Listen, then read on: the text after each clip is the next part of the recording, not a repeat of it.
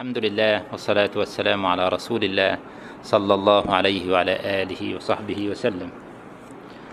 من كتاب ابن رشد الحفيد رحمه الله تعالى ونفعنا به وبكم في الدارين آمين. نستكمل كتاب الحج بإذنه تبارك وتعالى في المسألة التي وقفنا عندها هي مسألة تقبيل الحجر. أو تقبيل الإنسان يده بعد وضعها عليه إذا لم يصل الحجر إذا لم يصل الشخص الحجر. عند كل من لم يوجب الدم قياسا على المتمتع إذا تركه فيه دم. مسألة تقبيل الحجر هل هي واجبة أو ركن أو سنة؟ هذا هو أصل المسألة أساس المسألة. لأننا إذا قلنا إن تقبيل الحجر من الواجبات ففيه الدم وإن قلنا إن تقبيله ليس من الواجبات فليس فيه شيء. ده أصل المسألة. فهل جمهور الفقهاء من الأئمة الأربعة يرون تقبيل الحجر من الواجبات؟ لا الإجابة لا. هو تقبيل الحجر إنما هو من السنة. وبالتالي من ترك تقبيل الحجر أو من ترك تقبيل يده بعد وضعها على الحجر فالأصل أنه لا شيء عليه.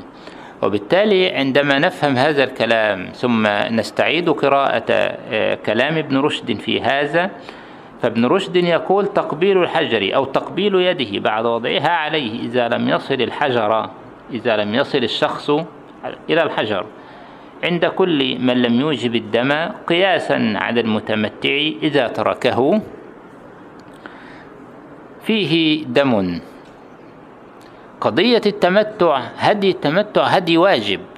هدي التمتع من الواجبات كما ذكرنا وكذلك هدي القران. إذا ما دام الهدي واجب فعليه الهدي ومن لم يستطع فصيام ثلاثة أيام في الحج وسبعة إذا رجع. إنما تقبيل الحجر ليس بهذه المنزلة وليس بهذه المثابة والمكانة وعلى ذلك قضية إن عدم التقبيل يتأتى فيه الدم لا يكون على رأي الأئمة الأربعة من الفقهاء. إنما يكون على رأي من يرى وجوبه وهو خلاف رأي الأئمة الأربعة.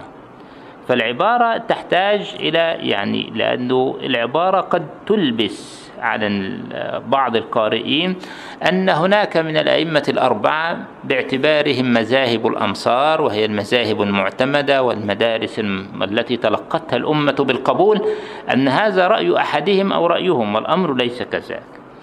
وتقبيل الحجر أو تقبيل يده بعد وضعها عليه إذا لم يصل الحجر عند كل من لم يوجب الدم قياسا على المتمتع إذا تركه فيه دم هو ليس فيه دم.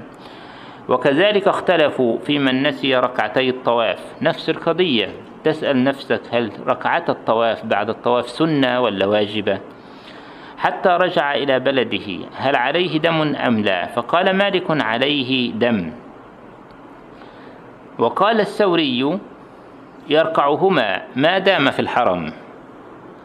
وقال الشافعي وأبو حنيفة يركعهما حيث شاء. هنا ابن رشد يحكي كلام الإمام مالك أن عليه دم إذا ترك ركعتي الطواف.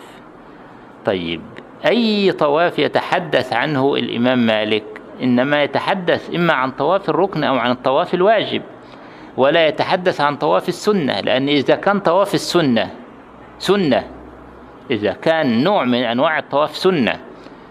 فكيف من ترك الركعتين له يكون عليه فيهما دم؟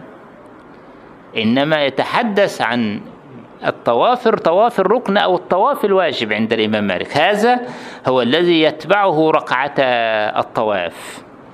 اللتان لا بد منهما وإلا يكون عليه دم. فما الطواف الواجب أو الركن عند الإمام مالك؟ بالنسبة للركن هو طواف الإفاضة. هذا عند مالك وغيره طواف ركن. وبالنسبة للطواف الواجب هو طواف القدوم عند الإمام مالك لأن الإمام مالك هنا خالف الجمهور في طواف القدوم.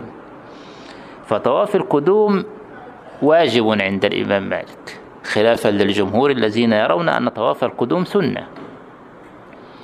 يبقى دول الطوافين اللي هو من يترك ركعتي الطواف بعدهما فيه دم عند الإمام مالك. طب يا ترى هل في طواف سنة عند الإمام مالك؟ نعم. طواف الوداع وبهذا أيضا يكون قد خالف جمهور الفقهاء لأن طواف الوداع سنة عند المالكية واجب عند جمهور الفقهاء يعني العكس. طواف القدوم واجب عند الإمام مالك سنة عند الجمهور ده طواف القدوم. طواف الوداع سنة عند المالكية واجب عند الجمهور. إذا أيا كان أنت عرفت أن أنت بتشتغل على الطواف الواجب أو طواف الركن. عند أي حد اللي هيسميه واجب أو ركن. طبعا الركن به بتركه يفسد الحج والواجب إن تركه ففيه دم. إذا ما دمنا بنتحدث ما دام الشيخ تحدث عن كلام الإمام مالك فهو عن فيه دم إذا بيتحدث عن كلام الإمام مالك في من ترك طواف الواجب. اللي هو طواف القدوم. طب طواف الركن كنا لا يجوز له أن يتركه لأنه لا يجبر بدم لا بد أن يأتي به لا بد أن يأتي به. وطواف الركن اللي هو طواف الإفاضة يظل على الشخص حتى ولو ذهب إلى بيته.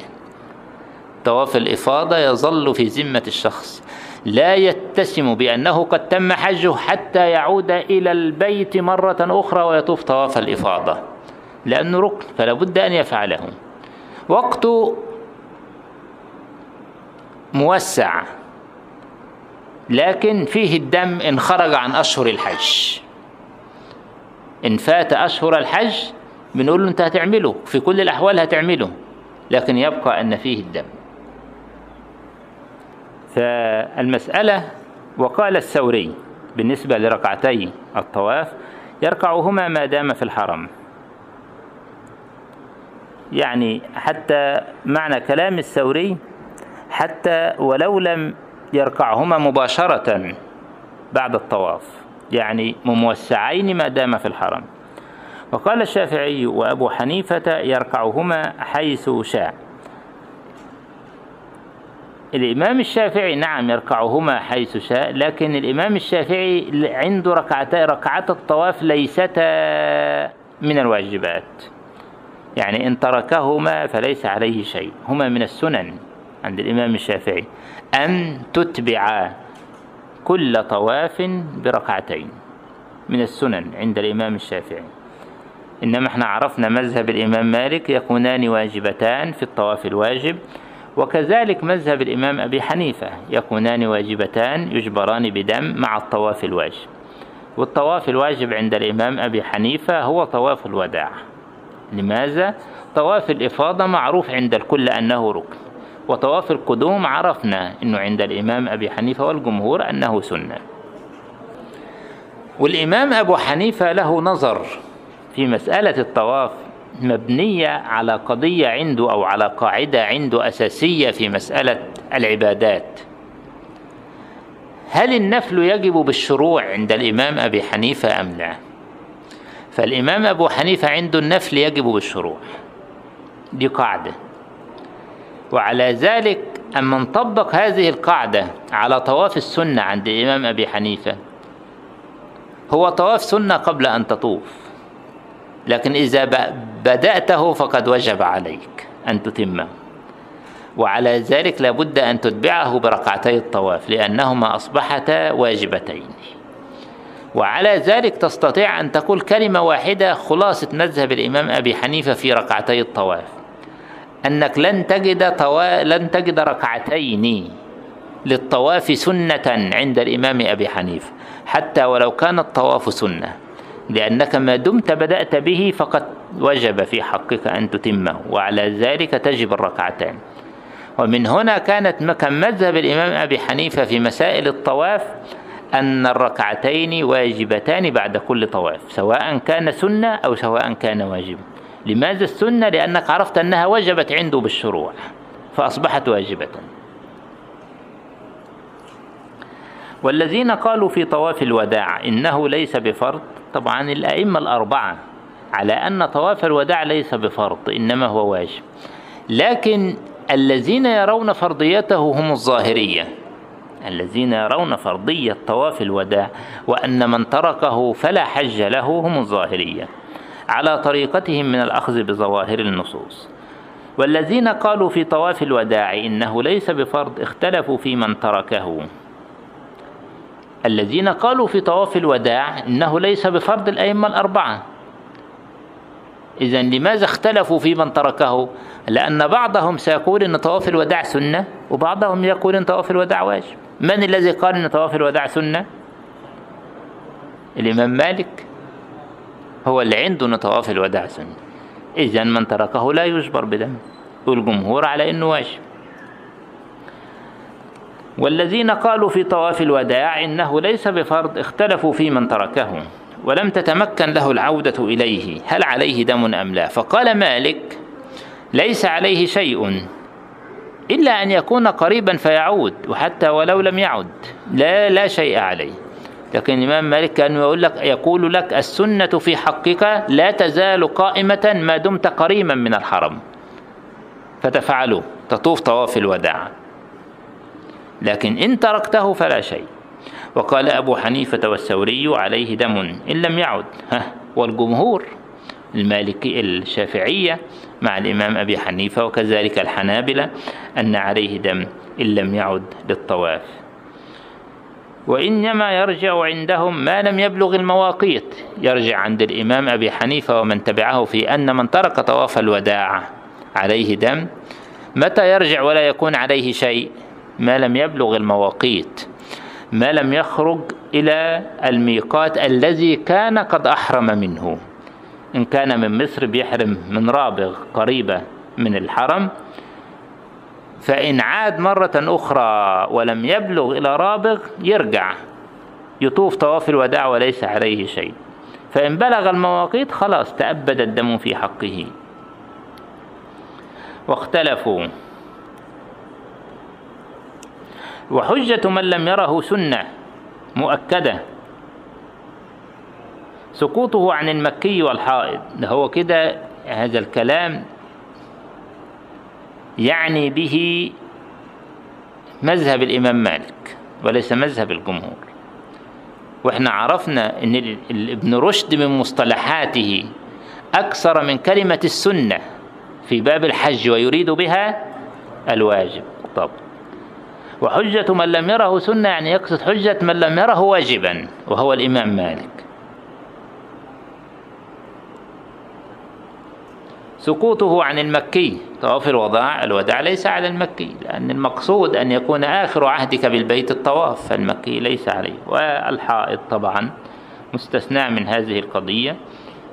وعند أبي حنيفة أنه إذا لم يدخل الحجر في الطواف أعاد ما لم يخرج من مكة فإن خرج فعليه دم. والآن يعني خلاص أصبح هناك حدود مرسومة في البيت الحرام للكعبة. فأصبح الحجر بجانب هذا المكان يعني أصبحت الأمور يعني في غاية الصعوبة أن إنسان يطوف ولا يدخل الحجر لأن هناك علامات أصبحت محددة بخلاف القديم. واختلفوا هل من شرط صحة الطواف المشي فيه مع القدرة عليه؟ لابد أن تمشي في الطواف. أم يجوز لك أن تطوف راكبا؟ فقال مالك هو من شرطه لابد أن تمشي. كالقيام في الصلاة. كالقيام في الصلاة. يعني لابد أن تمشي ما دمت قادرا على المشي دون مشقة. كالقيام في الصلاة. لابد أن تقوم في الصلاة ما دمت قائما على القيام دون مشقة. هذا معنى الكلام. فإن عجز كان كصلاة القاعد. إذا الطريق قياسا على الصلاة. فإن عجز جاز له الركوب كصلاة القاعد. ويعيد عنده أبدا إلا إذا رجع إلى بلده فإن عليه دما. ويعيد عنده أبدا الذي يستطيع المشي وركب يعيد عند الإمام مالك أبدا إلا أن يرجع إلى بلده فإن عليه دم. لأن هو المالكية وفي المشهور عنهم هذا الرأي وكذلك الحنابلة نفس الكلام إن شرط الطواف أن يطوف ماشيا ما دام يستطيع المشي. أخذوا هذا من حديث الطواف بالبيت صلاة. ما دام الطواف بالبيت صلاة إذن هو كالصلاة.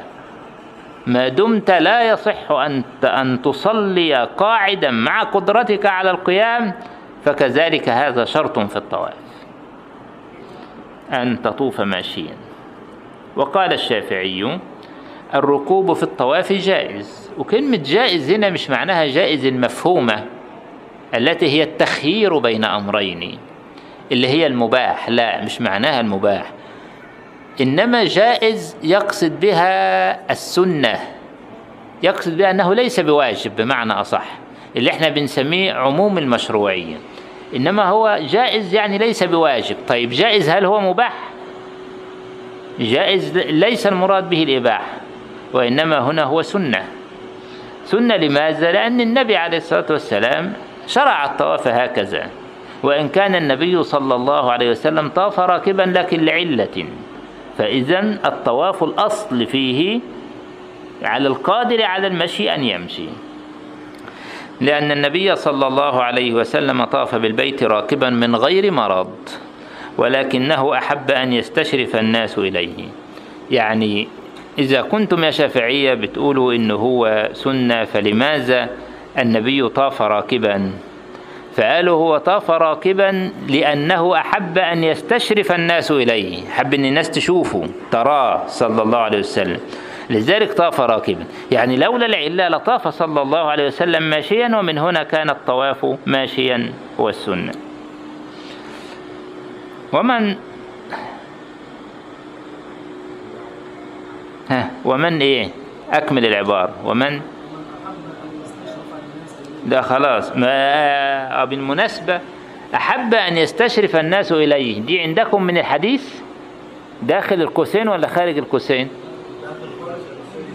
عندك خارج. إذا أنت موحى إليك.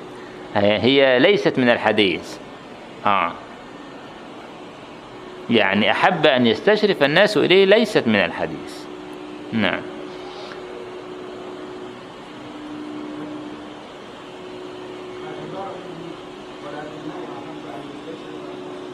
هي ليست من الحديث وإنما هي العلة التي علل بها الشافعية لكون النبي صلى الله عليه وسلم طاف راكبا ولم يطف ماشيا. أحب أن يستشرف الناس إليه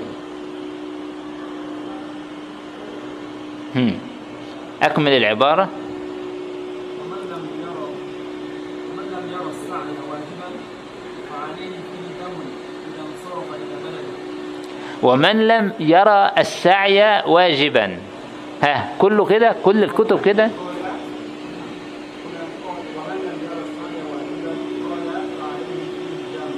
ها كل الكتب؟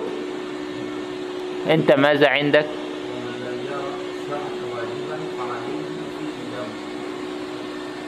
مم. طب ما رأيكم؟ هل يصح إن أنا أقول ومن لم يرى السعي واجبا فعليه فيه دم؟ ها أما أقول ومن رأى السعي واجبا فعليه فيه دم؟ أيهما صح صحيح؟ ومن رأى السعي واجبا فعليه فيه دم لأنه هو حكى مذهب المالكية الإمام مالك حكى قال لك ليس عليه عليه شيء. إنما هنا بيحكي من رأى السعي واجبا فعليه فيه دم. فتصحح العبارة. ومن رأى السعي واجبا فعليه فيه دم إذا انصرف إلى بلده لأنه طبعا إذا لم ينصرف إلى بلده فعليه أن يطوف أن يعيد الطواف ماشيا مرة أخرى.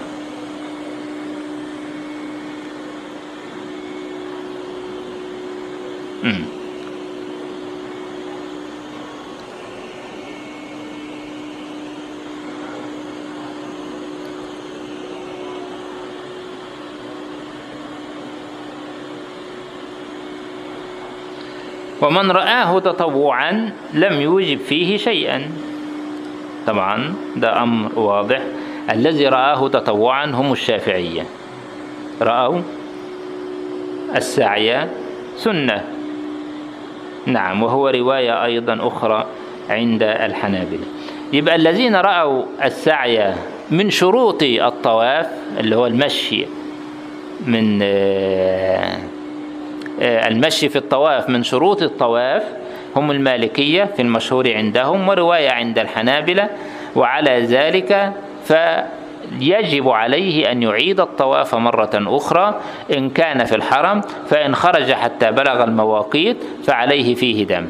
ومن لم يرى المشي واجبا ففي هذه الحالة الذي لا يرى المشي واجبا يبقى ليس عليه فيه أي شيء. طيب. خليني أقول تأويل لعبارة ابن رشد هو يتحدث عن السعي هل يقصد بالسعي المشي؟ يعني هي المسألة عندي أنا هنا في الكتاب سطر واحد. أنهى كلام الشافعية في قضية المشي في الطواف. وفي نفس السطر يقول العبارة التي عندكم ومن لم يرى السعي واجبا فعليه فيه دم إذا انصرف إلى بلده.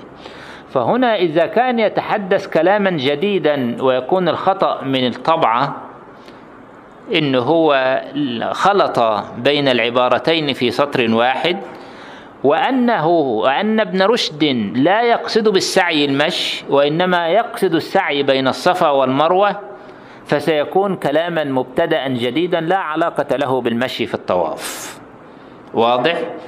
يبقى من رأى يعني إذا قلنا إن كلمة السعي المراد بها السعي بين الصفا والمروة وليس المراد بها المشي في الطواف فإذا سيكون كلاما مبتدأ جديدا ويكون الخطأ في الطبع فقط. فنقرأ العبارة كده على ما هي عليه على أنها سعي بين الصفا والمروة. شوف هتدينا إيه. ومن لم يرى السعي واجبا فعليه فيه دم إذا انصرف إلى بلده. ومن رآه تطوعا لم يوجب فيه شيئا. من رأى من لم يرى السعي واجبا فعليه فيه دم. لو أنا قلت واجب هنا ودي أحيانا ابن رشد يفعلها في باب الحج. لو قلت إن واجب هنا معناها الفريضة معناها الركن. يبقى الكلام ده هيكون صحيح وهنقرأه بهذا الشكل. أن ابن رشد أحيانا في كتاب الحج يذكر الواجب ويريد به الفرض. لأن ابن رشد ما سار على مصطلحات دقيقة.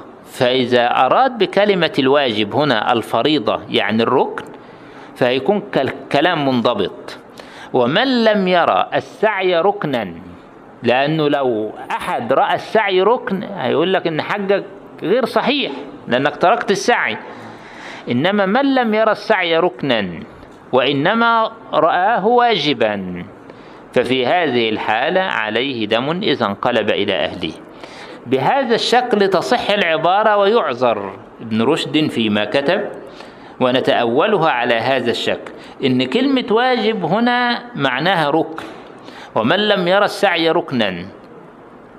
بل رآه واجبا على اصطلاحات الفقهاء المعروفة في الحج أن ترك الواجب يجبر بالدم. فعليه فيه دم. واضح العبارة يا شباب؟ طيب. الجزء الأخير من العبارة ومن رآه تطوعا لم يوجب فيه شيئا. هل أحد من العلماء رأى أن السعي بين الصفا والمروة تطوع يعني سنة بعبارات الفقهاء سنة؟ نعم. هذه رواية عند الحنابلة حكيناها قبل ذلك أن هناك رواية عند الحنابلة أن السعي بين الصفا والمروة سنة وأخذوا ذلك من قوله تعالى إن الصفا والمروة من شعائر الله فمن حج البيت أو اعتمر فلا جناح عليه أن يطوف بهما. قالوا أن رفع الجناح معناه الإباحة والنبي صلى الله عليه وسلم قد فعله. إذن فيكون سنة. رفع الجناح يقتضي الإباحة. رفع الحرج هذه من ألفاظ الإباحة في الأصول. فلا جناح عليه أن يطوف بهما. فيكون مباح لكن لما فعله النبي صلى الله عليه وسلم كان فعله هذا دليلا على كونه سنة. واستدلوا على ذلك بالقراءة الأخرى لابن عباس وعطاء فلا جناح عليه ألا يطوف بهما. وبهذا رأوا هذه الرواية عن الحنابلة أن السعي سنة. فمن رآه تطوعا طبعا فلا شيء عليه. وبهذا تستقيم العبارة. والله أعلم. وقد تقدم اختلافهم أيضا في من قدم السعي على الطواف. هل فيه دم إذا لم يعد حتى يخرج من مكة أم ليس فيه دم؟ وقد تقدم اختلافهم أيضا في من قدم السعي على الطواف. القاعدة التي ذكرناها قبل ذلك أن السعي لابد أن يسبقه طواف وهذا مذهب الجمهور. انت هتسعى يبقى لابد أن يسبق هذا السعي طواف سواء كان طواف القدوم سواء كان طواف الوداع سواء كان طواف الإفاضة يعني في ناس يذهبون مباشرة ربما على القول من مذهب الجمهور أن طواف القدوم سنة لا يفعلون طواف القدوم. إذا لا يسعى. إذا لا يسعى على رأي الجمهور. ما دام لم يطف يبقى لا يسعى. وبالتالي يؤخر السعي. لمتى؟ عندما يطوف إما طواف الإفاضة أو طواف الوداع يسعى بعدهم يعني ربما يسعى بعد العيد يعمل السعي بعد العيد ليه؟ لأنه هيطوف طواف الإفاضة بعد العيد. يعني يوم النحر مثلا يبقى في هذه الحالة سيسعى بعد الطواف وهكذا. طيب هل هناك رأي يقول إنه السعي جائز حتى ولو قبل الطواف؟ يعني ممكن يذهب مباشرة يسعى؟ في رأي بس خلاف مذهب الأئمة الأربعة رأي عطاء وداود الظاهري إن قضية السعي ليست واجبة لأنه لا يوجد نص صريح بأمر النبي صلى الله عليه وسلم بتقديم طواف على سعي وأن السعي لابد أن يعقب الطواف. قالوا لا يوجد نص صريح بها صحيح النبي فعل هذا. لكن لا يوجد نص صريح يجعله يجعلنا نقول إن المسألة على الوجوب. دي طريقة عطاء من التابعين وداود الظاهري. وبعض العلماء المعاصرين يفتون بهذا إنك أنت لو سعيت لا بأس في أي وقت. وقد تقدم اختلافهم أيضا في من قدم السعي على الطواف هل فيه دم؟ إذا لم يعد حتى يخرج من مكة أم ليس فيه دم. طبعا هذا الذين يقولون فيه دم أقل شيء يقولون في التقديم أنه واجب والبعض يرى أنه شرط للصحة تقديم الطواف على الصلاة وعرفنا مذهب عطاء أنه سنة. واختلفوا في وجوب الدم على من دفع من عرفة قبل الغروب. تذكر وقت عرفة الذي تحدثنا عنه. وقت عرفة عند الجمهور بيبدأ من الزوال ويستمر إلى ما بعد الغروب. طيب ورجل دفع من عرفة قبل الغروب. المفترض هم اتفقوا على أنه إذا وقف بعد الغروب يعني وقف بعد الزوال وكذلك استمر إلى أن وقف بعد الغروب فوقوفه تام. ولا بأس إن وقف بعد الزوال ثم نزل ثم عاد مرة أخرى بعد الغروب فحجه صحيح. لكن الإشكالية في من وقف في الزوال فقط أو العكس وقف في الغروب فقط. هل عليه دم أو أن وقوفه بعرفة صحيح أم لا؟ واختلفوا في وجوب الدم من على من دفع من عرفة قبل الغروب. فقال الشافعي وأحمد إن عاد فدفع بعد غروب الشمس. رجع تاني وخرج بعد غروب الشمس فلا دم عليه. وإن لم يرجع حتى طلع الفجر وجب عليه الدم. وقوفه صحيح مع جبره بدم. وقال أبو حنيفة والثوري عليه الدم رجع أو لم يرجع. وقد تقدم هذا.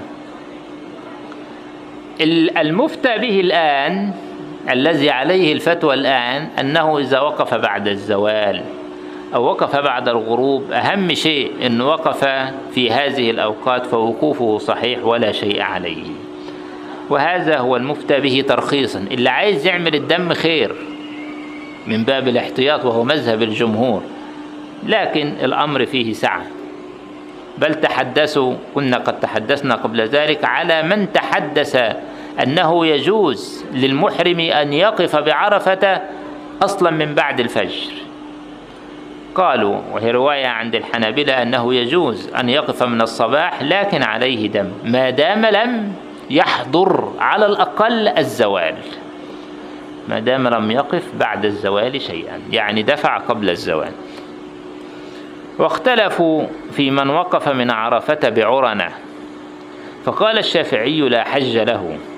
وقال مالك عليه دم.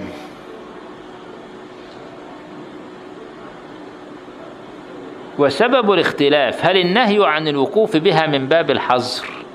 لأن النبي صلى الله عليه وسلم قال عرفة كلها موقف ولا تقفوا ببطن عرنة وارتفعوا عن بطن عرنة فمن ما حكم من وقف؟ ده نهي ما حكم من وقف ببطن عرنة هل نقول أنه أصلا لم يقف بعرفة؟ أم نقول عليه دم ووقوفه صحيح؟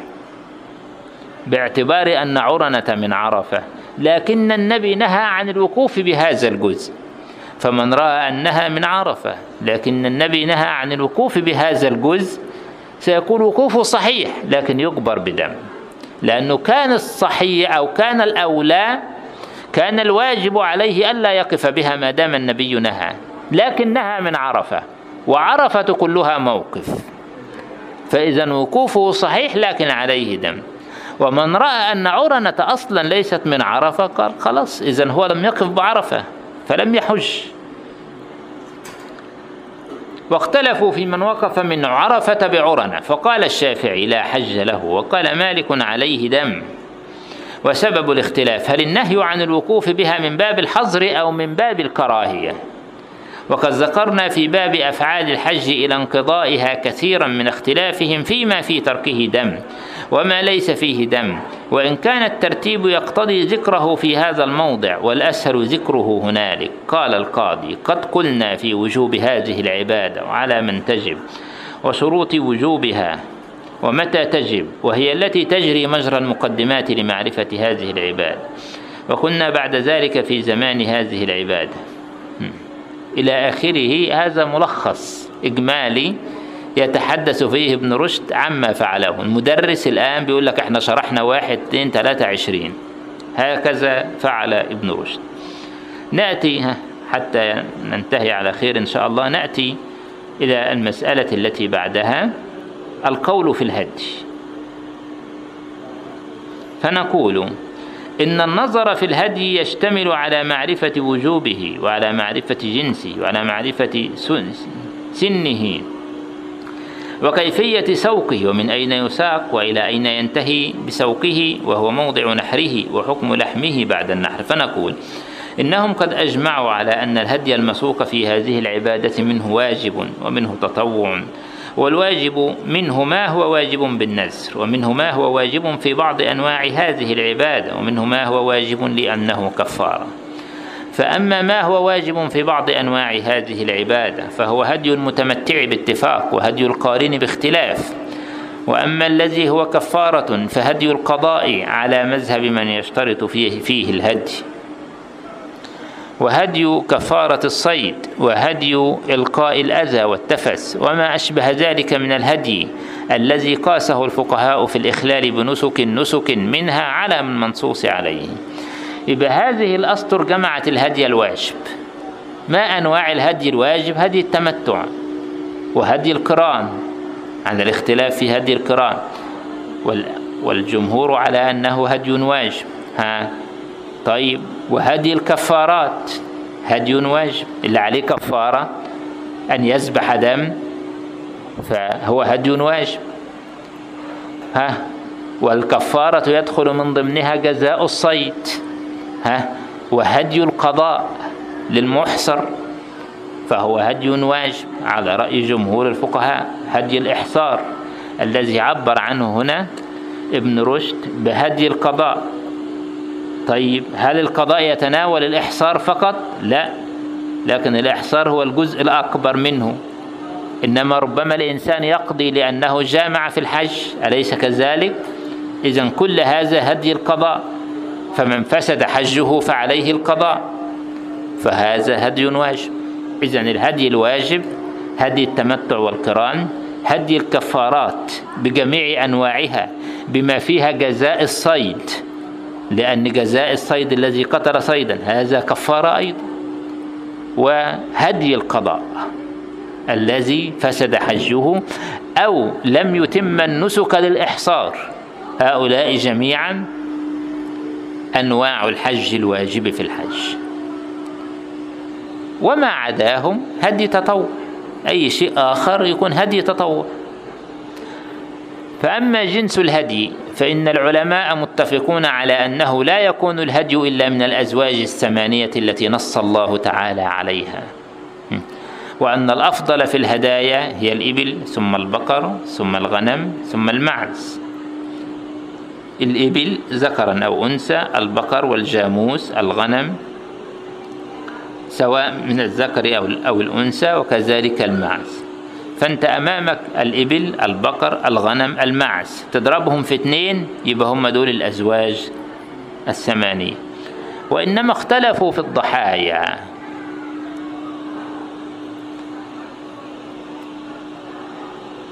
طبعا اختلفوا في الضحايا. هل الضحايا لابد أن تكون من الغنم؟ لأنه ذهب البعض إلى أن الضحايا لابد أن تكون من الغنم وهذا قول في مذهب المالكية.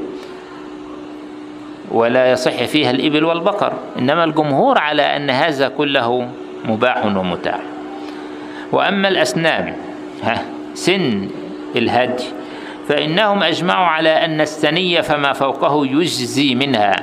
وألا يجزي الجزع من المعز في الضحايا والهدايا. ده ذكره ابن رشد على أنه إجماع وهو قريب من الإجماع.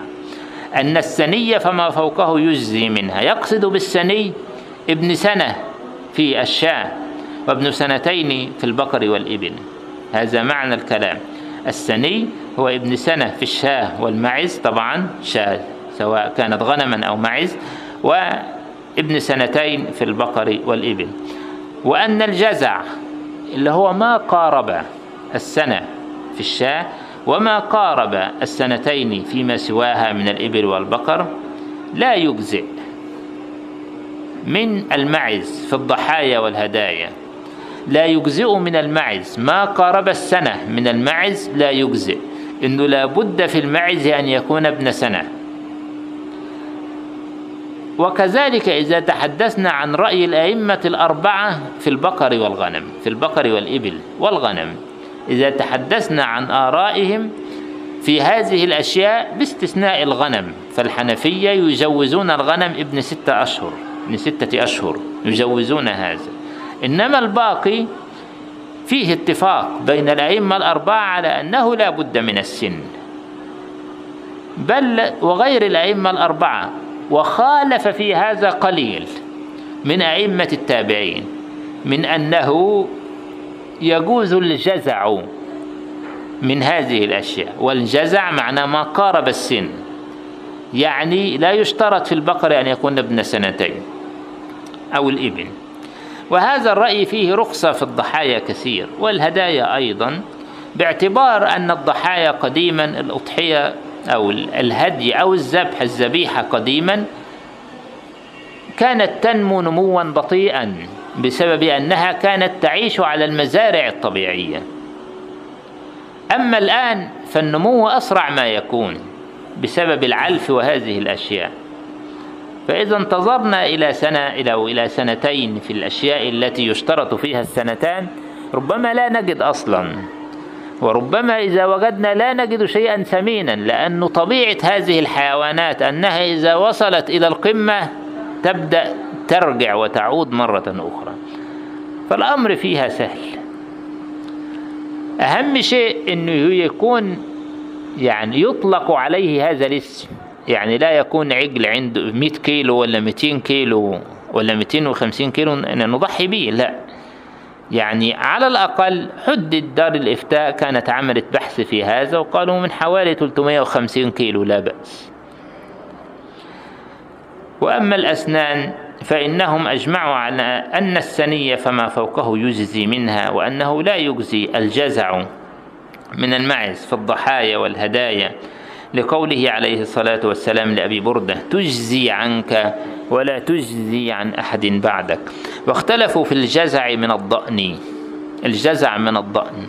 هل يمكن أن يكون ما قارب السن من الضأن؟ قال بهذا الحنفية. أنه لا يشترط أن يكون سنة بل يمكن أن يكون ابن ستة أشهر. فأكثر أهل العلم يقولون بجوازه في الهدايا والضحايا طبعا أكثر أهل العلم يعني فيها نظر فالجمهور على خلاف هذا الجمهور أنه لابد من سنة. وكان ابن عمر يقول لا يجزي في الهدايا إلا السني من كل جنس ولا خلاف في أن الأغلى ثمنا من الهدايا أفضل. وكان الزبير يقول لبنيه يا بني لا يهدين أحدكم لله من الهدي شيئا يستحيي أن يهديه لكريمه. فإن الله أكرم الكرماء وأحق من اختير له وأحق من اختير له. طبعا هذا أدب للإنسان أن يتأدب به فإذا كان يستحي أن يهدي لضيفه هذه الأضحية الهزيلة فأولى أن يستحي من الله تعالى. وقال رسول الله صلى الله عليه وسلم في الرقاب وقد قيل له أفضل فقال يعني ما أفضل الرقاب يا رسول الله؟ فقال أغلاها ثمنا وأنفسها عند أهلها وليس في عدد الهدي حد معلوم وكان هدي رسول الله صلى الله عليه وسلم مئة. لكن في النهاية هذا من باب التطوع والإحسان إنما أنت عليك هدي واحد. في حالة إذا وجب عليك الهدي. وأما كيفية سوق الهدي فهو التقليد والإشعار بأنه هدي لأن رسول الله صلى الله عليه وسلم خرج عام الحديبية.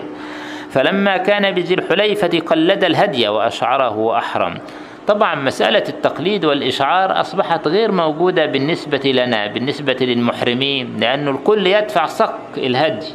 ولا أحد يذهب بالحج من بيته أو من بلده إلى الحج فالأمر اختلف لكن على كل حال التقليد جعل قلادة تعرف بها هذه الذبائح أنها هدي يقدم إلى بيت الله الحرام فالتقليد من القلادة والقلادة هذه هي التي كانت مشهورة في مسألة التقليد أن يوضع مثل القلادة أو مثل الأشياء اللي هي. التي تفعل صوتا في رقبة البعير حتى يعلم به حتى يعلم أنه هدي فلا يعترضه أحد. فلا يعترضه أحد من قطاع الطريق. حتى كان قطاع الطريق محترمين في هذا الوقت. يعني مسألة أن التقليد هذا يشعر بأن هذا مقدم لله عز وجل فلا فليس لأحد أن يعترضه. وقضية الإشعار هذه هي شق يكون في جانب صفحة الهدي. شق يعني يشق بمثلا أي شيء حاد. يشق به يخرج شيء من الدم. شيء من الدم يعني يكون علامة. الإنسان يعمل أخط هكذا مثلا يكون علامة أيضا على أنه هدي.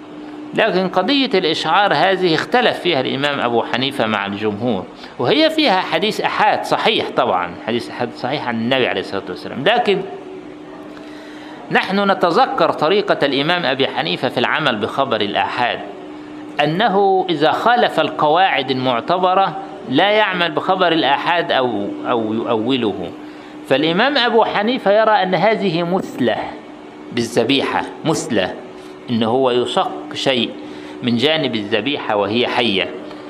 وطبعا القواعد الأساسية اليقينية تقول إن النبي صلى الله عليه وسلم نهى عن المثلى والشرع نهى عن المثلى وعلى ذلك الإمام أبو حنيفة لم يأخذ بالحديث في قضية الإشعار. وعلى كل حال أصبح يعني لا يسوق أحد الهدي الآن. وإن كان الهدي من الإبل والبقر فلا خلاف أنه يقلد نعلا أو نعلين أو ما أشبه ذلك لمن لم يجد النعال. أي تقليد علامة تدل على أنه ذاهب إلى الحرم.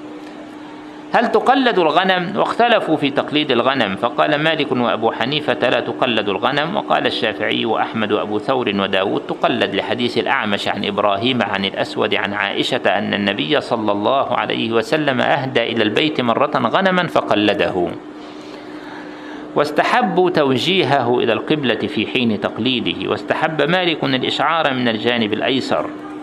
لما رواه عن نافع عن ابن عمر أنه كان إذا أهدى هديا من المدينة قلده وأشعره بذي الحليفة قلده قبل أن يشعره وذلك في مكان واحد وهو موجه للقبلة يقلده بنعلين ويشعره من الشق الأيسر ثم يساق معه حتى يوقف به مع الناس بعرفة أو حتى يوقفه به مع الناس بعرفة ثم يدفع به معهم إذا دفعوا وإذا قدم من غداة النحر نحره قبل أن يحلق أو يقصر وكان هو ينحر هديه بيده يصفهن قياما ويوجههن للقبلة ثم يأكل ويطعم.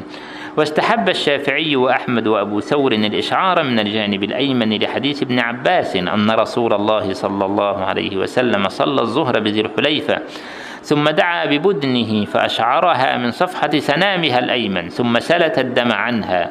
وقلدها بنعلين ثم ركب راحلته فلما استوت على البيداء أهل بالحج. وأما من أين يساق الهدي فإن مالكا يرى أن من سنته أن يساق من الحل ولذلك ذهب إلى أن من اشترى الهدي بمكة ولم يدخله من الحل أن عليه أن يقفه بعرفة وإن لم يفعل فعليه البدل. وأما إن كان أدخله من الحل فيستحب له أن يقفه بعرفة وهو قول ابن عمر وبه قال الليث وقال الشافعي والثوري وأبو ثور وقوف الهدي بعرفة سنة ولا حرج على من لم يقفه كان داخلا من الحل أو لم يكن. وقال أبو حنيفة ليس توقيف الهدي بعرفة من السنة. وحجة مالك في إدخال الهدي من الحل إلى الحرم أن النبي عليه الصلاة والسلام كذلك فعل. وقال خذوا عني مناسككم. وقال الشافعي التعريف سنة مثل التقليد التعريف هنا مش معناه أنه يعرفه إنما معناه أن يوقفه بعرفة. كلمة التعريف معناها أن يوقفه بعرفة. وقال الشافعي التعريف سنة مثل التقليد. وقال أبو حنيفة ليس التعريف بسنة وإنما فعل ذلك رسول الله صلى الله عليه وسلم لأن مسكنه كان خارج الحرم. وروي عن عائشة التخيير في تعريف الهدي أو لا تعريفه في وقوفه بعرفة أو عدم وقوفه. ولا هنا ينزلها ابن رشد كثيرا منزلة الاسم يعني أو لا تعريفه أو عدم تعريفه أو عدم تعريفه. وأما محله فهو البيت العتيق كما قال تعالى ثم محلها إلى البيت العتيق وقال تعالى هديا بالغ الكعبة وأجمع العلماء. على أن الكعبة لا يجوز لأحد فيها ذبح وكذلك المسجد الحرام. يعني القرآن بيقول هديا بالغ الكعبة واحد يروح يذبح في الكعبة أجمع العلماء على أنه مش ده المراد. يعني ظاهر الآية ليس مرادا. وأجمع العلماء على أن الكعبة لا يجوز لأحد فيها ذبح وكذلك المسجد الحرام. وأن المعنى في قوله هديا بالغ الكعبة أنه إنما أراد به النحر بمكة يعني بالحرم عامة. أنه إنما أراد به النحر بمكة إحسانا منه لمساكينهم وفقرائهم. وكان مالك يقول إنما المعنى في قوله هديا بالغ الكعبة مكة يعني إيه مكة؟ يعني مكة فقط من الحرم وليس كل الحرم. ذبح. مكة فقط من الحرم. ده معنى كلام الإمام مالك أن مكة هي التي يذبح فيها وعبر عنها القرآن بقوله تعالى الكعبة فعبر بالجزء وأراد الكل وهو مكة. إنما الجمهور يقول لك أراد بالكعبة كل الحرم سواء كان في مكة أو في غير مكة. فالكعبة أراد بالجزء نعم لكن الجزء هنا الحرم وأراد الكل وهو سائر الحرم. إنما الإمام مالك يقول أراد بالكعبة مكة. عبر بالجزء وأراد الكل وهو مكة. هديا إنما المعنى وكان مالك يقول إنما المعنى في قوله هديا بالغ الكعبة مكة وكان لا يجيز لمن نحر هديه في الحرم إلا أن ينحره بمكة. وقال الشافعي وأبو حنيفة إن نحره في غير مكة من الحرم أجزأه وهو قول الجمهور. أهم حاجة ينحر في الحرم. وقال الطبري يجوز نحر الهدي حيث شاء المهدي إلا هدي القرآن وجزاء الصيد فإنهما لا ينحران إلا بالحرم. ومن باب أولى هدي التمتع فهناك اتفاق بين العلماء على أن هدي التمتع والقرآن لا يذبحان إلا بالحرم. هذا اتفاق. أن هدي مكة وهدي عفوا التمتع والقران للمتمتع والقارن لا يذبح إلا بالحرم وطبعا عرفنا الإمام مالك يقول مك مكة من الحرم. كمان يعني يخصص أدق أقل أضيق. وبالجملة فالنحر بمنى إجماع من العلماء. هو الشيخ آلة. وبالجملة فالنحر بمنى إجماع من العلماء. يعني بالحرم. وفي العمرة بمكة إلا ما اختلفوا فيه من نحر المحصر. ها المحصر أيضا ينحر بالح... الذي تعذر عليه إتمام النسك. ينحر... لابد ينحر بالحرم ده الاختلاف. الإمام أبو حنيفة هو اللي بيقول ينحر بالحرم لابد هديا بالغ الكعبة أيا كان نوع الهدي. عند الإمام أبو حنيفة لابد أن يكون في الحرم. إنما الإمام مالك والجمهور أجازوا في هدي الإحصار أن يذبحه حيث أحصر. فلو منع من مصر يذبحه في مصر. منع من أي مكان. لا يشترط أن يرسله أو أن يشتري صكا في البيت الحرام في الحرم حتى يذبح في الحرم. وهذا القول هو الذي فيه رخصة وفيه سعة للناس وعند مالك إن نحر للحج بمكة والعمرة بمنى والعمرة بمنى أجزأه. وحجة مالك في أنه لا يجوز النحر بالحرم إلا بمكة قوله صلى الله عليه وسلم. وكل فجاج مكة وطرقها منحر. هذا هو الذي دعا الإمام مالكا أن يخصص الذبح في مكة بالذات. وكل فجاج مكة وطرقها منحر. واستثنى مالك من ذلك هدي الفدية فأجاز ذبحه بغير مكة. الإمام مالك يقول لك هدي الجزاء هدي الكفارة. لك أن تذبحه في أي مكان. وأيضا هذا فيه رخصة وتحدثنا فيه. أن هدي الكفارات لك أن تذبحه حتى عندما تعود إلى مصر أو إلى الكاميرون أو إلى أي مكان. هذا فيه سعة للفقراء من أي مكان. وطبعا الجمهور ينظر إلى حديث وكل فجاج مكة منحر إحنا عرفنا لماذا الإمام مالك يخصص الذبح بمكة في ذبح التمتع والقران لماذا؟ للحديث لظاهر الحديث. إنما الجمهور ينظر إلى الحديث على أن المراد به المعنى وهو أن كلمة مكة المراد بها الحرم في أي مكان وليس المراد بها خصوص مكة. واستثنى مالك من ذلك هدي الفدية هدي الكفارة فأجاز ذبحه بغير مكة. وأما متى ينحر؟ فإن مالكا قال إن ذبح هدي التمتع أو التطوع قبل يوم النحر لم إن ذبح. هدي التمتع أو التطوع قبل يوم النحر لم يجزه. وجوزه أبو حنيفة في التطوع وقال الشافعي يجوز في كليهما قبل يوم النحر وهذا هو المفتى به. أنه يجوز هدي التمتع في أي وقت ما دام الإنسان قد اعتمر. ما دام قد أنشأ العمرة عمل العمرة خلاص يجوز له أن يذبحها قبل أن يذبح قبل يوم النحر. لا يشترط أن يؤخر التمتع إلى يوم النحر. وأيضا هذا فيه رخصة حيث يأكل الناس في جميع هذه الأوقات. أيضا ويمنع الزحام في الذبح بعد يوم النحر حتى لا يزدحم الناس. الذي عليه كفارة والذي ليس عليه كفارة وهكذا. ولا خلاف عند الجمهور أن ما عدل من الهدي بالصيام أنه يجوز حيث شاء. ولا خلاف عند الجمهور أن ما عدل من الهدي بالصيام أنه يجوز حيث شاء. ما معنى هذا الكلام؟ إن لو افترضنا أن أنت لن تهدي لأنه ليس معك الهدي. وإنما ستصوم كما في التمتع. فمن تمتع بالعمرة إلى الحج فما استيسر من الهدي فمن لم يجد. آه الصيام يقول لك اتفق العلماء على إن الصيام ده تصوم في أي مكان عادي. يعني مش شرط تصوم السبعة أيام في مكة. يمكن أن تصوم في أي مكان. أنما عدل من الهدي بالصيام آه أنه يجوز حيث شاء. طيب خليني أقول عبارة ابن رشد بالضبط ماذا يقصد بها؟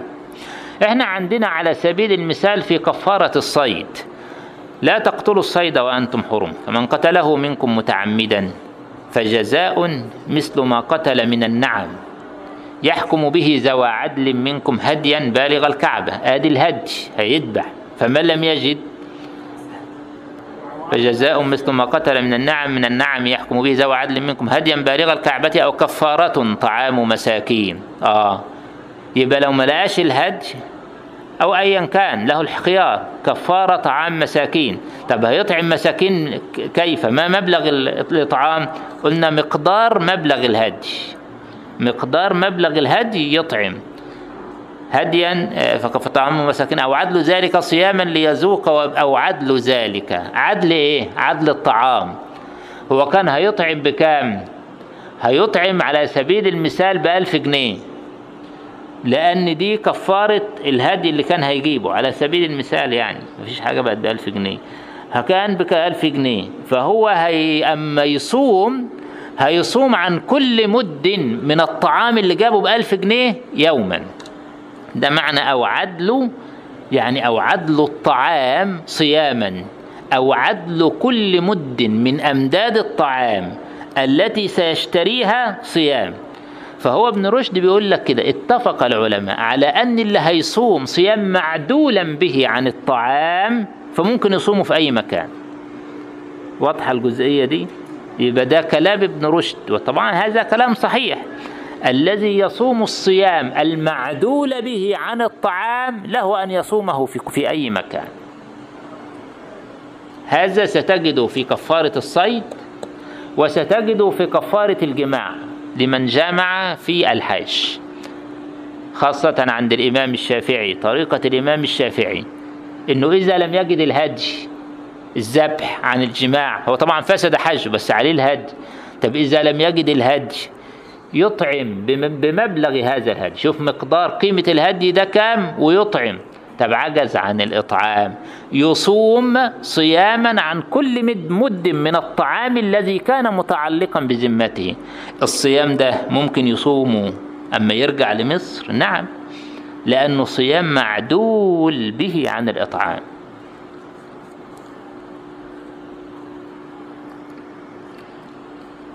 ولا خلاف عند الجمهور أن ما عدل من الهدي بالصيام أنه يجوز حيث شاء لأنه لا منفعة في ذلك لا لأهل الحرم ولا لأهل مكة وإنما اختلفوا في الصدقة المعدولة عن الهدي اختلفوا في الإطعام ده معناه كده. أما ما يهديش ويطعم بمبلغ الهدي لازم الإطعام ده يكون في مكة هنا الاختلاف. إنما الصيام اتفقوا على أنه في أي مكان. وإنما اختلفوا في الصدقة المعدولة عن الهدي. فجمهور العلماء على أنها لمساكين مكة والحرم لأنها بدل من جزاء الصيد الذي هو لهم. وقال مالك الإطعام كالصيام يجوز بغير مكة. وهو المفتى به أيضا ترخيصا. إن الإطعام يجوز بغير مكة وكذلك الصيام يجوز بغير مكة. بل نحن ذكرنا أن آه هذه الكفارات نفسها الهدي نفسه هدي الكفارات يجوز على بعض الآراء أن يكون بغير مكة وهو رأي الإمام مالك.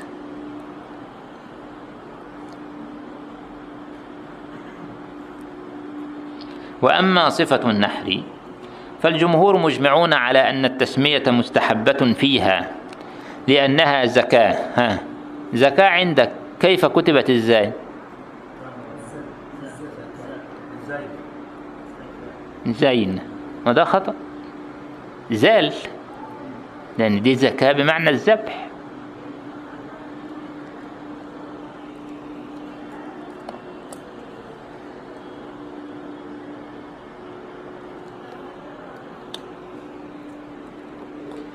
وأما صفة النحر فالجمهور مجمعون على أن التسمية مستحبة فيها لأنها زكاة ذبح ومنهم من استحب مع التسمية التكبير. طبعا الجمهور مجمعون على أن التسمية مستحبة ولا التسمية يعني أنهي أدق في في عبارات الفقهاء؟ نقول نقول مجمعون على أن التسمية مستحبة؟ يعني ماذا إذا لم تسمي وذبحت؟ وتركت التسمية متعمدا. هل دي تؤكل؟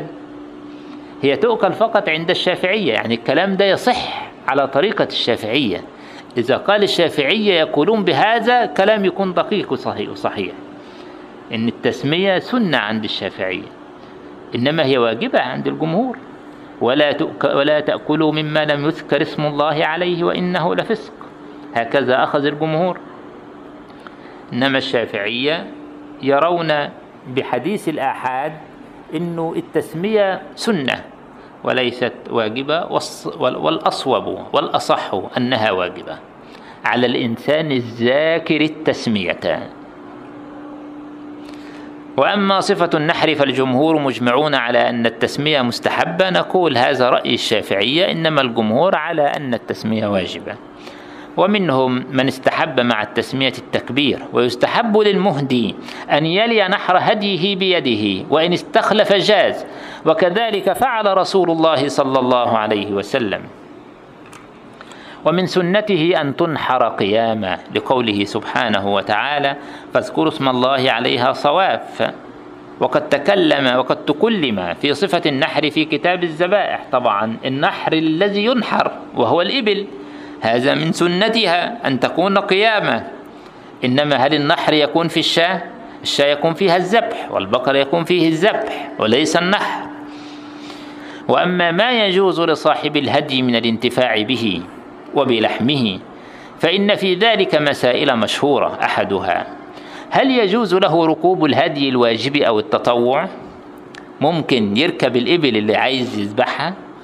ممكن يركبها وهو ياخدها كده ركوبا من مصر مثلا أو لو من مكان قريب. هل يجوز الانتفاع بهذا؟ وأحدها هل يجوز له ركوب الهدي الواجب أو التطوع؟ فذهب أهل الظاهر إلى أن ركوبه جائز من غير من ضرورة ومن غير ضرورة. وبعضهم أوجب ذلك وكره جمهور فقهاء الأمصار ركوبها من غير ضرورة.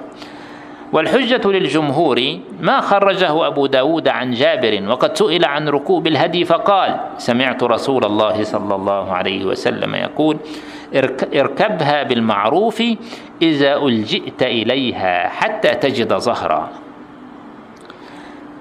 إذا عند الضرورة يجوز هذا لا إشكال فيه عند الجمهور. ومن طريق المعنى أن الانتفاع بما قصد به القربة إلى الله تعالى منعه مفهوم من الشريعة. طبعا كلمة من طريق المعنى يعني من طريق المعقول الاستدلال للجمهور من طريق المعقول. الجمهور يرى أنه يكره ركوب ما جعلته لله. ده معناه كده يكره ركوب الهدي. حتى ولو كان تطوع. ترايح العمرة ليس عليك هدي لكن ذبحت تطوع مثلا أو حجيت مفرد ليس عليك هدي لكن ذبحت تطوع. فالجمهور على أنه ليس لك أن تركبها من غير ضرورة. بماذا استدلوا من المعقول؟ بيقوله ومن طريق المعنى. أن الانتفاع بما قصد به القربة إلى الله تعالى منعه مفهوم من الشريعة. إن أنت ما دمت قد محطت هذا لله تعالى فلا تنتفع به بأي شيء حتى لا تشرك مع الله شيئا. من باب هذا وليس المراد به طبعا الإشراك المعروف في العقيدة وإنما المراد به أن تخلص نيتك وعملك فيه لله تعالى. ولذلك كرهه فقط الجمهور ولم يحرموه. كره الجمهور الانتفاع به من غير ضرورة. وحجة أهل الظاهر ما رواه مالك عن أبي الزناد عن الأعرج عن أبي هريرة أن رسول الله صلى الله عليه وسلم رأى رجلا يسوق بدنة فقال اركبها فقال يا رسول الله إنها هدي فقال اركبها ويلك في الثانية أو في الثالثة وأجمعوا أن هدي التطوع إذا بلغ محله أنه يأكل منه صاحبه كسائر الناس. لأن كثير من الناس يسأل أنا ممكن أكل من الهدي بتاعي ولا لا؟ بقول لك يجوز لا مانع. أهم حاجة ما تاكلوش كله. يعني تاكل جزء. وأجمعوا أن هدي التطوع إذا بلغ محله أنه يأكل منه صاحبه كسائر الناس. وأنه إذا عطب قبل أن يبلغ محله خلى بينه وبين الناس ولم يأكل منه. وأنه إذا عطب. آه دي قضية العطب. لأنه العطب في الهدي الأصل أنه خلاص ما بقاش هدي إنما سيخلي بينه وبين الناس. الناس يذبحوه يأكلوه. وهو سيتجه إلى هدي آخر يأتي بهدي آخر. وأنه إذا عطب قبل أن يبلغ محله خلى بينه وبين الناس ولم منه وزاد داود ولا يطعم منه شيئا أهل رفقته. لما ثبت أن رسول الله صلى الله عليه وسلم بعث بالهدي مع ناجية الأسلمي وقال له إن عطب منها شيء فانحره. ثم اصبغن عليه في دمه وخل بينه وبين الناس. وطبعا قبل يعني المسألة دي بتذكرني بشيء من من تتمة القول حتى لا يفهم كلامي خطأ. مسألة الأكل من الهدي هو الآن بيتحدث عن هدي التطوع عن هدي يجوز لك أن تأكل منه. طبعا في هدي التطوع باتفاق يجوز لك أن تأكل منه. طيب هدي التمتع والقران ده هدي واجب. هل يجوز لك أن تأكل منه؟ بعض الفقهاء يرون كالشافعية يرون جواز أن تأكل منه أيضا في الهدي الواجب الذي هو تمتع أو قران إنما تعال للأمر الأساسي اللي أنا أريد أن أنبهك إليه هدي الكفارة. هل لك أن تأكل منه؟ لا. اسمه هدي كفارة. خليك أنت قيسه كده على واحد بيخرج صدقة واجبة كفارة واجبة عليه. زي كفارة الأكل الإفطار عامدا في نهار رمضان عند الحنفية أو كفارة الظهار أو غيره عند الكل. أنت بتخرج كفارة تاكل من الكفارة؟ هي نفس القضية. في هدي الكفارة ما دمنا سميناه هدي كفارة سواء جزاء الصيد سواء حلق غيره يبقى لا تأكل منه. واضح التفرقة؟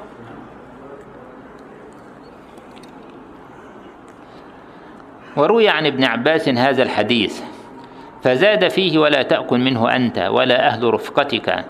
وقال بهذه الزيادة داود وأبو ثور. واختلفوا فيما يجب على من أكل منه. فقال مالك إن أكل منه وجب عليه بدله. وقال الشافعي وأبو حنيفة والثوري وأحمد وابن حبيب من أصحاب مالك عليه قيمة ما أكل أو أمر بأكله طعاما يتصدق به. وروي ذلك عن علي وابن مسعود وابن مسعود وابن مسعود وابن عباس وجماعة من التابعين. وما عطب في الحرم قبل أن يصل مكة فهل بلغ محله أم لا؟ فيه الخلاف مبني على الخلاف المتقدم. هل المحل هو مكة أو الحرم؟ لأنه لو عطب بعد أن بلغ المحل فيه تسامح. يمكن أنه يذبحه خلاص كهدي وأما الهدي الواجب إذا عطب قبل محله فإن لصاحبه أن يأكل منه لأن عليه بدله. ومنهم من أجاز له بيع لحمه وأن يستعين به في البدل وكره ذلك مالك. لأنه هو في كل الأحوال ما دام عطب يبقى قبل بلوغ محله هيشتري بدل. واختلفوا في الأكل من الهدي الواجب إذا بلغ محله. دي المسألة المهمة اللي إحنا كنا بنتحدث عنها الآن. واختلفوا في الأكل من الهدي الواجب إذا بلغ محله. فقال الشافعي لا يؤكل من الهدي الواجب كله ولحمه كله للمساكين. وكذلك جله إن كان مجللا إن كان عليه أي شيء كان ملبسه أي شيء للمساكين. والنعل الذي كلد به كله. آه نعم. وقال مالك يؤكل من كل الهدي الواجب إلا جزاء الصيد ونزر المساكين وفدية الأذى يبقى عفوا أنا قلت الإمام الشافعي اللي أجاز من هدي القرآن. والتمتع. اللي أجاز من هدي القرآن والتمتع الإمام مالك ليس الإمام الشافعي. نعم. وقال مالك يؤكل من كل الهدي الواجب إلا جزاء الصيد ونزر المساكين وفدية الأذى. ها يبقى معناه إيه؟ معناه الكفارات لا يؤكل منها. ده استثناء الإمام مالك. الكفارات لا يؤكل منها. وقال أبو حنيفة لا يؤكل من الهدي الواجب إلا هدي المتعة وهدي القران. أشبه كلام أشبه ما يكون بمذهب يعني قريب جدا من مذهب الإمام مالك.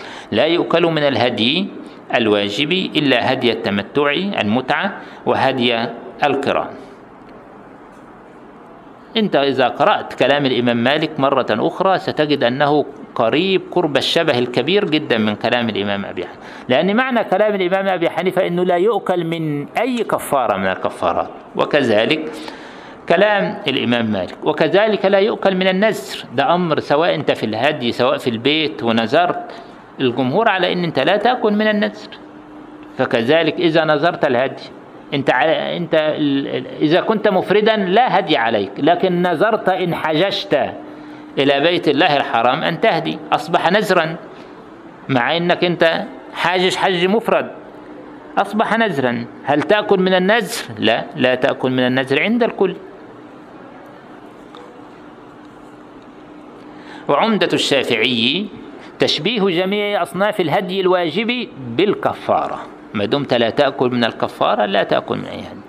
وأما من فرق فلأنه يظهر في الهدي معنيان. أحدهما أنه عبادة مبتدأة والثاني أنه كفارة. فالذي يغلب هو يريد ابن رشد أن يقول هذا الذي سيغلب جانب الكفارة هيقول لك لا تأكل من الهدي الواجب. فالذي غلب جانب الكفارة في التمتع والقران كالشافعية يقصد ابن رشد هذا كالشافعية يقول لا تأكل. من الهدي الواجب. والذي لم يغلب جانب الكفارة في بعض الهدي الواجب وهو التمتع والقران يقول لك عادي يجوز لك أن تأكل منه. وأحد المعنيين في بعضها أظهر فمن غلب شبهه بالعبادة على شبهه بالكفارة في نوع نوع من أنواع الهدي كهدي القران وهدي التمتع. وبخاصة عند من يقول إن التمتع والقران أفضل لم يشترط ألا يأكل. يعني يجوز أن يأكل. لأن هذا الهدي عنده هو فضيلة لا كفارة تدفع العقوبة. لا كفارة تدفع العقوبة. ومن غلب شبهه بالكفارة قال لا يأكل لاتفاقهم على أنه لا يأكل صاحب الكفارة من الكفارة. ولما كان هدي جزاء الصيد وفدية الأذى ظاهر من أمرهما أنهما كفارة لم يختلف هؤلاء الفقهاء في أنه لا يأكل منها. قال القاضي يقصد ابن رشد الحفيد يقصد نفسه هنا. قال القاضي فقد قلنا في حكم الهدي وفي جنسه وفي سنه وكيفية سوقه وشروط صحته من الزمان والمكان وصفة نحره وحكم الانتفاع به وذلك ما قصدناه والله الموفق للصواب. وبتمام القول في هذا بحسب ترتيبنا تم القول في هذا الكتاب بحسب غرضنا. ولله الشكر والحمد كثيرا على ما وفق وهدى ومن به من التمام والكمال. وكان الفراغ منه يوم الأربعاء التاسع من جماد الأولى الذي هو عام أربعة وثمانين وخمسمائة. وهو جزء من كتاب المجتهد الذي وضعته منذ أزيد من عشرين عاما أو نحوها. والحمد لله رب العالمين. عندي بعدها كان رضي الله عنه عزم حين تأليف الكتاب أولا ألا يثبت كتاب الحج ثم بدا له بعد فأثبته. بعد على نية الإضافة بعد ذلك فهو مبني على نية الإضافة مبني على الضم بعد وقبل. لله الأمر من قبل ومن بعد. هذا السطر عندكم الأخير موجود لكنه ليس كلام ابن رشد. كان رضي الله عنه ده كلام الناسخ أو كلام أحد تلاميذ إنما ليس كلام ابن رشد. عزم حين تأليف الكتاب أولا ألا يثبت كتاب الحج. فهنا الواضح من هذه العبارات الأخيرة أن ابن رشد كتب كتاب الحج بعدما أنهى كتاب بداية المجتهد. يعني هو كأنه كما قال التلميذ أو الناسخ أنه عزم ألا يثبت كتاب الحج أصلا ثم أثبته بعد حوالي عشرين سنة من تأليف الكتاب عام أربعة وثمانين وخمسمائة. ابن رشد متوفى خمسمائة خمسة وتسعين. وعمل كتاب الحج خلص كتاب الحج خمسمائة أربعة وثمانين هو متوفى خمسمائة خمسة وتسعين. وعمل كتاب الحج خمسمائة أربعة وثمانين وبيقول لك إن هو عمل كتاب الحج بعد ما خلص كتاب بداية المجتهد بحوالي عشرين سنة أو يزيد. يعني هو مخلص كتاب بداية المجتهد حوالي 564 هجريا. طبعا المسائل دي هي مفيدة جدا في التحقيق حتى نفسر بعض العبارات. مفهوم؟ ده عمله متى وده عمله متى؟ ولذلك من هذا قد نستشف إن لماذا ابن رشد أطال في الحج أكثر من إطالته في الصيام مع إن الفقهاء بيعملوا العكس أصلا. لأنه هو ألف كتاب الحج في النهاية. هذا يعني ما يظهر لي والله أعلم. طبعا قد يبدو لابن رشد غير هذا أن هذا هذه التفصيلات من الأهمية بمكان. لكن في رؤيته أن في رؤيته أن كتاب الحج أكثر فيه ابن رشد على غير طبيعته في تدوين كتاب بداية المجتهد. فالفقهاء عادة يعني يجملون قضية الحج في الكتب غير المطولة وابن رشد أراد لكتابه أن يكون كذلك غير مطول.